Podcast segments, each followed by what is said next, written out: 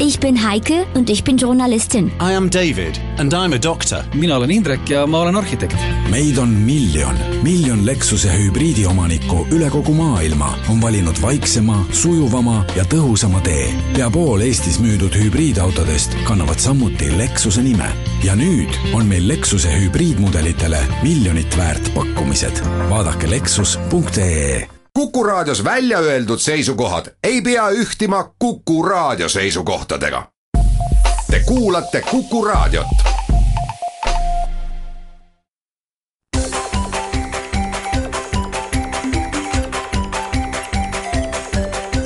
maksumaksja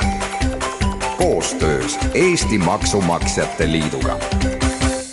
tere päevast, eetris on saade Maksumaksja, mikrofoni ees on Lasse Lehis. Taas äh, keerame vana teema juurde tagasi ja räägime uue valitsuse maksumuudatustest. eelmisel aastal siis võeti esimene ports neid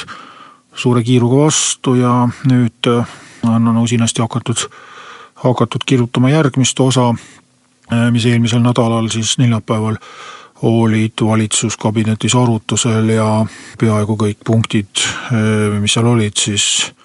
välja arvatud nii-öelda autode värvimine, mida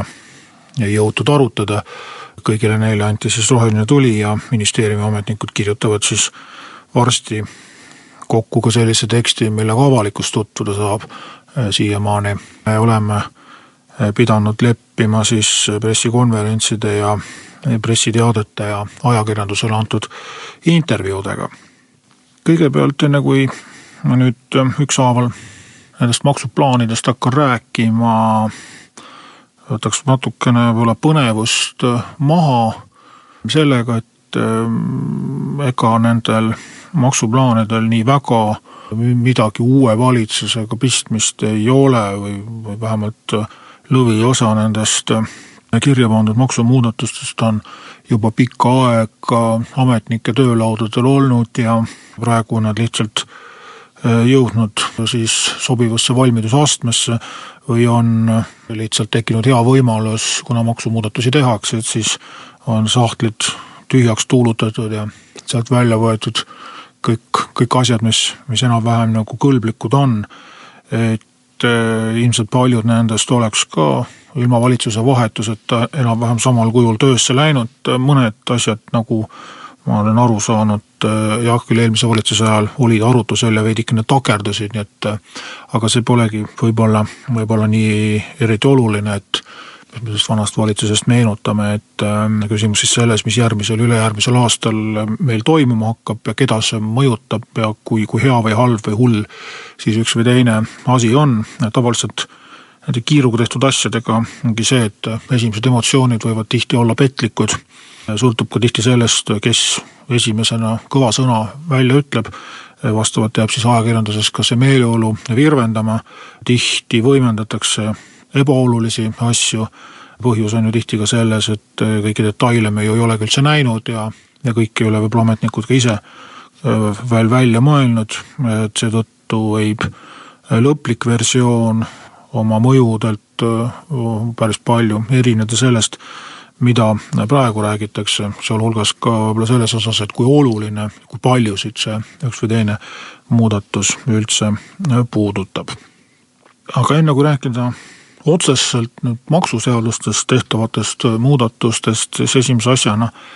peaks ilmselt veidikene kommenteerima Maksumaksjate Liidu vaatenurgast pensionireformi puudutavat otsust.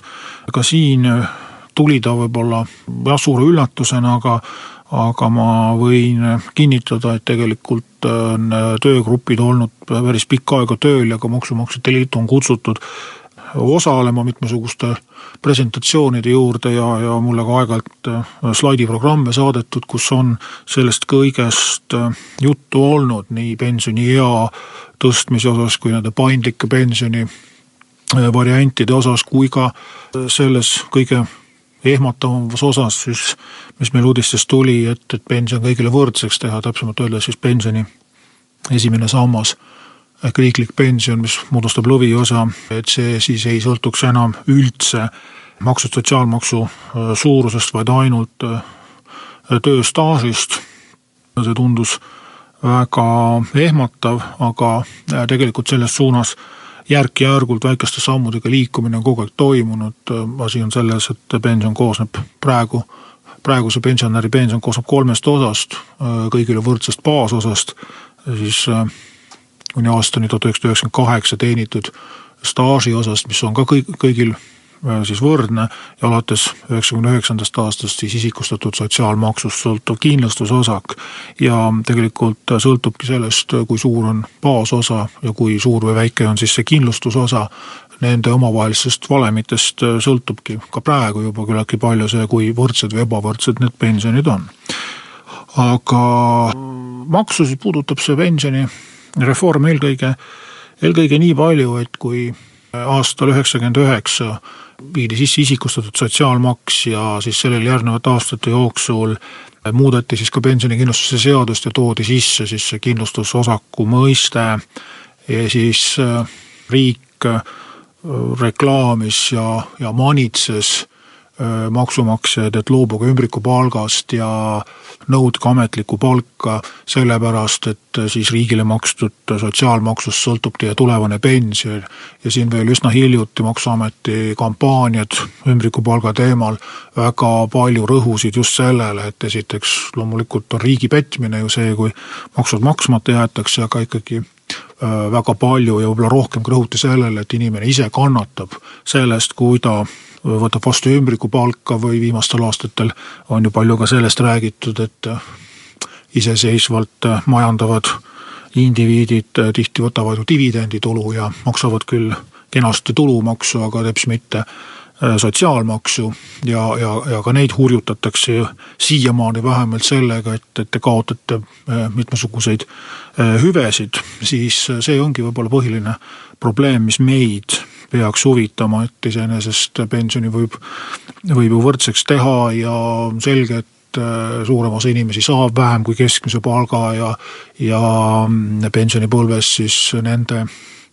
kasuks toimub ümberjaotamine, et, et loomulikult on siis praegune süsteem tundub kolmveerandile ebaõiglane, edaspidi siis uus süsteem tundub veerandile ebaõiglane, võib-olla mõnes mõttes on see sellised muudatused paratamatud, aga meile valmistab muret siin kõige rohkem just see motivaatori kadumine, ehk siis äh, arvestades ka muid muudatusi, eelkõige siis seda, et ähm, viiesaja eurone maksuvaba tulu, mis aastal kaks tuhat kaheksateist tuleb, hakkab ju kõrgemapalgaliste puhul järk-järgult astmeliselt vähenema ja alates kahe tuhande ühesaja eurosest kuusissetulekust kaob äh, ta ju üldse ära, ehk siis tekivad äh, täiesti uued hoovused kõrgepalgalistel praegustel kõrgepalgalistel või üle keskmise palgalistel tekib üsna mitu lööki korraga, äh, mis võivad hakata motiveerima siis rohkem just nii seda palju kirutud OÜ-tamist harrastama või võib-olla muid, muid selliseid kombinatsioone välja mõtlema, et siis selle sotsiaalmaksu maksmisega ja oma, oma ametlike tulude kirjutamisega mitte väga usinasti üle pingutada, et see on kindlasti asi, mille peale tuleb mõelda, see on väljakutse Maksuametile, aga see ka äh, laostab sellist üldist maksumoraali äh, kindlasti, et äh, sellest sõltub ka võib-olla, kuidas neid muudatusi avalikkusele esitleda ja kas on võib-olla siis selliseid positiivseid uudiseid nagu vastu pakkuda sellele sihtgrupile, et nad nii lühikese aja jooksul nii palju halbu uudiseid ei saaks ja oma tuleviku osas nii palju muretsema ei peaks. Aga nüüd pärast väikest pausi lähme edasi siis konkreetselt juba maksuseaduste muutmistega.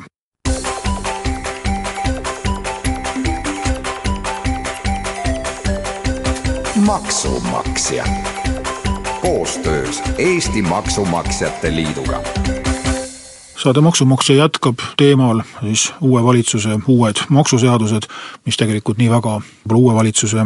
omad ei ole, pigem siis ametnike välja mõeldud, aga paljud nendest ka siin saates juba märkimist leidnud nii valitsuse vahetuse ajal koalitsioonilepingu kommenteerimisel kui ka mõned teemad juba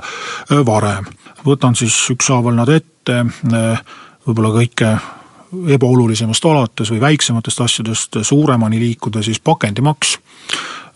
paljude jaoks ilmselt tundmatu ja jääbki tundmatuks, meil kehtib praegu pakendiaktsiis, mis on selline väga marginaalne maks, kuna mm, pakendiaktsiis on sisuliselt karistus selle eest, kui pakendi, mm, pakendatud kauba tootja või, või müüja ei ole ühinenud taaskasutusorganisatsiooniga, ei ole korraldanud pakendite taaskasutust, nii et tegelikult makstakse küll, aga makstakse mitte riigile, vaid makstakse taaskasutusorganisatsioonidele selle eest, et konteinerid oleksid äh, paigas, et sinna saaks oma tühjad pakid, karbid, purgid pudelid äh, ära visata, neid siis nõuetekohaselt töödelda. Äh, mõte on siis riigil, et teatud osa ähm, maksust ikkagi kehtestada ka sõltumata taaskasutusest,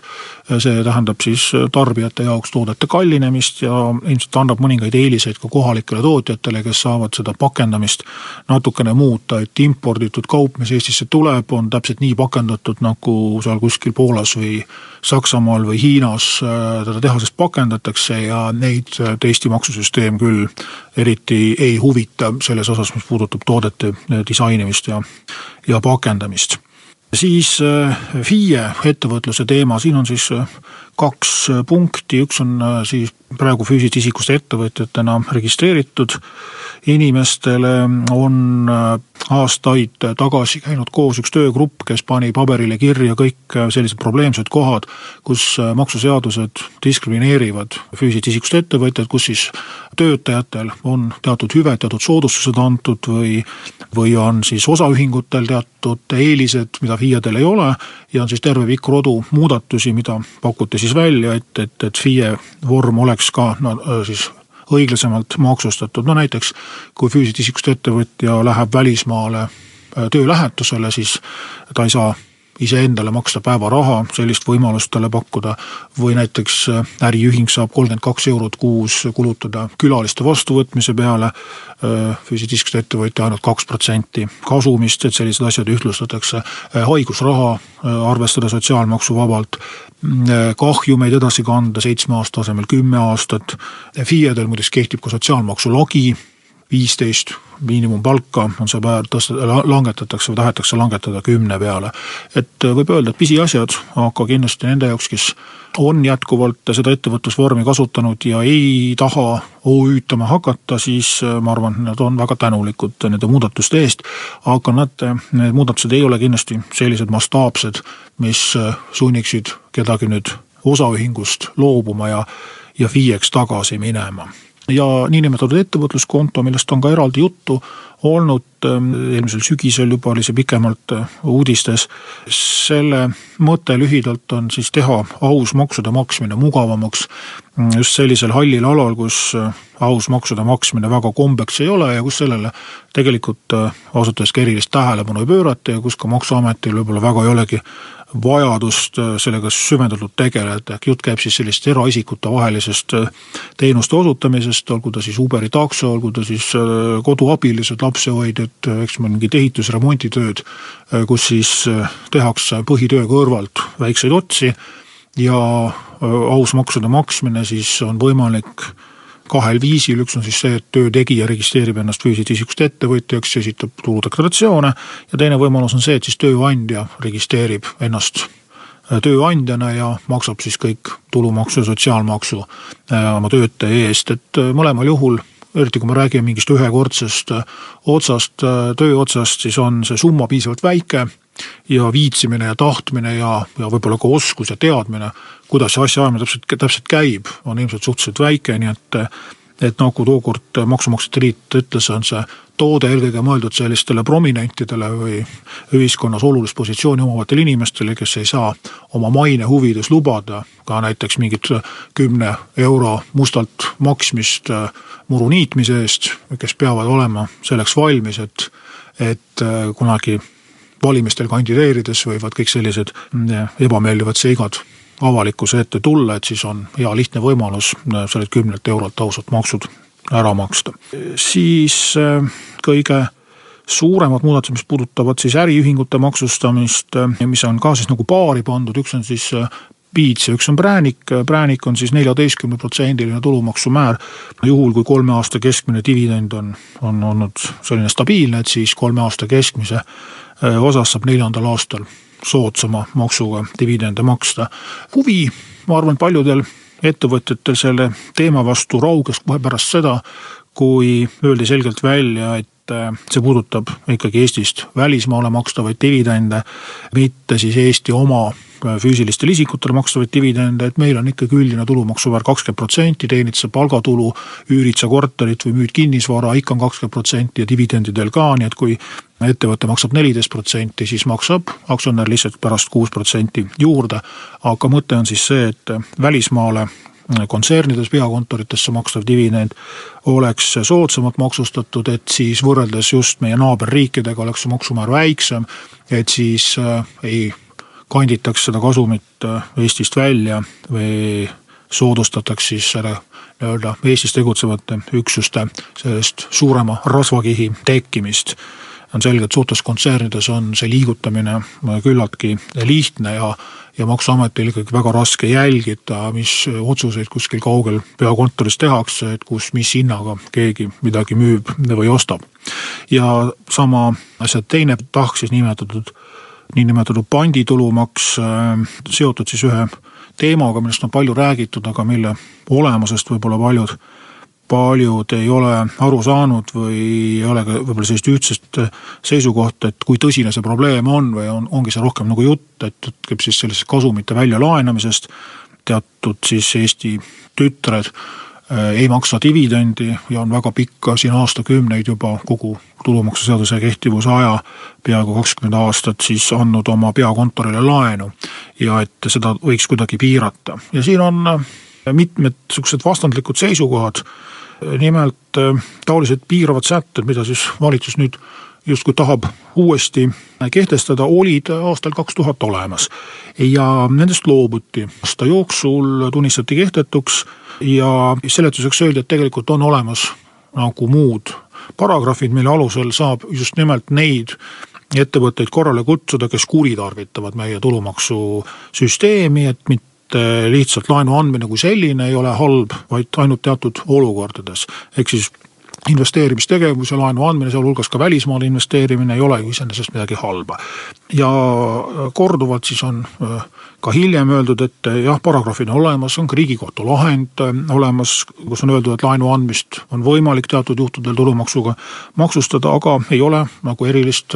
praktikat, on jah, mõned juhtumid teada, aga need puudutavad pigem selliseid väikeettevõtjaid, mitte, mitte suuri rahvusvahelises mastaabis tegijaid. ja nüüd siis tundub, et aetakse ühest küljest siis sellist lihtsat mõõtkava, et on siis mingid konkreetsed numbrid või valemid ette antud, et siis me täpselt teame, et mis siis on lubatud ja, ja mis ei ole lubatud. et see võiks ju tunduda nagu positiivne, teisest küljest siin on nüüd tulnud kurtmist, et kui jälle selline väga jäik nagu joonlaud ette pannakse, et siis ta võib teatud juhtudel olla ebaõiglane ja takistada või piirata normaalset majandustegevust, peletada välisinvestorid Eestist eemale või noh, mis seal salata, eks igast seadusest on võimalik kõrvale hiilida, kui öeldakse, et laenu ei tohi anda, siis hoiustatakse, ostetakse väärtpabereid või tehakse mingisugune ühisettevõte, et äh, nõustajad, advokaadid saavad loomulikult rohkem tööd, saame rohkem kohtuvaidlusi, saame rohkem koolitusi teha, et iseenesest selles mõttes ärilises plaanis minul isiklikult need muudatused kindlasti, kindlasti väga meeldivad, aga aga üldises plaanis ei ole päris, päris kindel, kas neil kõigil sellisel kujul mõtet on, et ta äh, on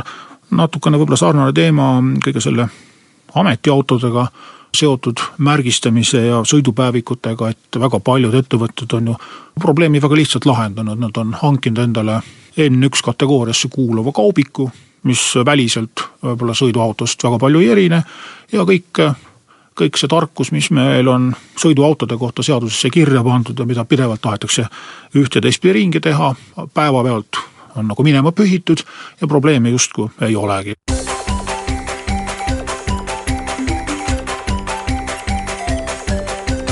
maksumaksja koostöös Eesti Maksumaksjate Liiduga